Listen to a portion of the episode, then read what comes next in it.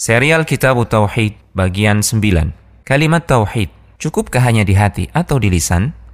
Pada serial Kitab Tauhid yang ke-9 ini, Syekh Muhammad bin Abdul Wahab rahimahullahu taala membawakan dalil kedua dari hadis Rasulullah sallallahu alaihi wasallam tentang fadilah dan keutamaan tauhid. Sahabat yang mulia Idban bin Malik radhiyallahu taala anhu meriwayatkan bahwa Rasulullah sallallahu alaihi wasallam pernah bersabda, فإن الله حرم على النار من قال لا إله إلا الله يبتغي بذلك وجه الله Sesungguhnya Allah mengharamkan api neraka menyentuh orang yang mengucapkan La ilaha illallah disertai keikhlasan mengharapkan wajah Allah dengan ucapannya tersebut. Hadis ini sahih diriwayatkan oleh Al-Bukhari dan Muslim, juga Imam Ahmad dalam musnadnya.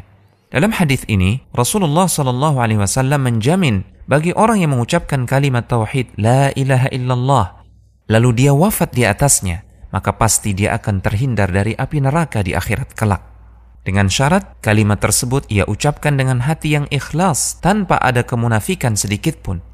Ia mengamalkan konsekuensi dari makna kalimat tauhid tersebut dan disertai pengingkaran terhadap kesyirikan dari hadis ini juga dipetik pelajaran bahwa keimanan tidak cukup hanya dengan mengucapkan kalimat La ilaha illallah di lisan, tapi juga harus diyakini dengan ikhlas di hati. Karena jika hanya dengan lisan, maka itu tak ubahnya orang-orang munafik yang menampakkan keimanan secara lahiriah, namun batin mereka mengingkari. Juga sebaliknya, keimanan tidak cukup hanya dengan meyakini di hati, tanpa mau mengucapkan kalimat la ilaha illallah. Karena jika hanya di hati, namun tak diikrarkan di lisan, ini tak ubahnya orang-orang kafir yang sombong lagi menentang. Di dalam hadis ini juga terdapat penetapan bahwa Allah Subhanahu wa taala memiliki wajah yang sesuai dengan kemahasempurnaan dan kemahamuliaannya. Wajahnya yang maha mulia lagi maha agung tidak bisa dan tidak boleh diimajinasikan atau digambarkan, apalagi diserupakan atau disamakan dengan makhluknya. Kewajiban kita hanya menetapkannya dan meyakininya.